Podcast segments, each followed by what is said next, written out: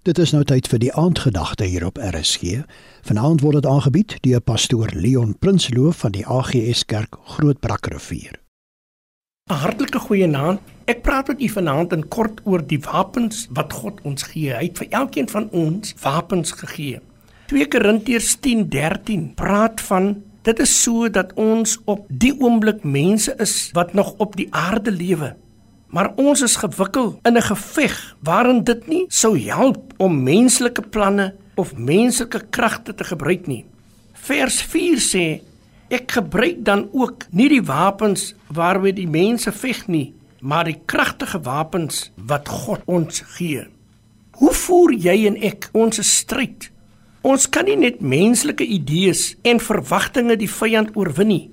Menslike geveg is Ons blameer altyd iemand anders.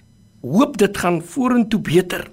Verwag dat die Here alleen die wapens sal opneem. Efesiërs 6:10 sê: "Julle moet sterk wees, maar die krag kom van die Here, wat al die krag en mag kom die Here toe." Trek die volle wapenrusting van God aan, wat God julle sal gee. Dan sal julle nie deur die slinkse planne van die duiwel oorwin word nie maar in oorleg aan die gang om my te help in my geveg.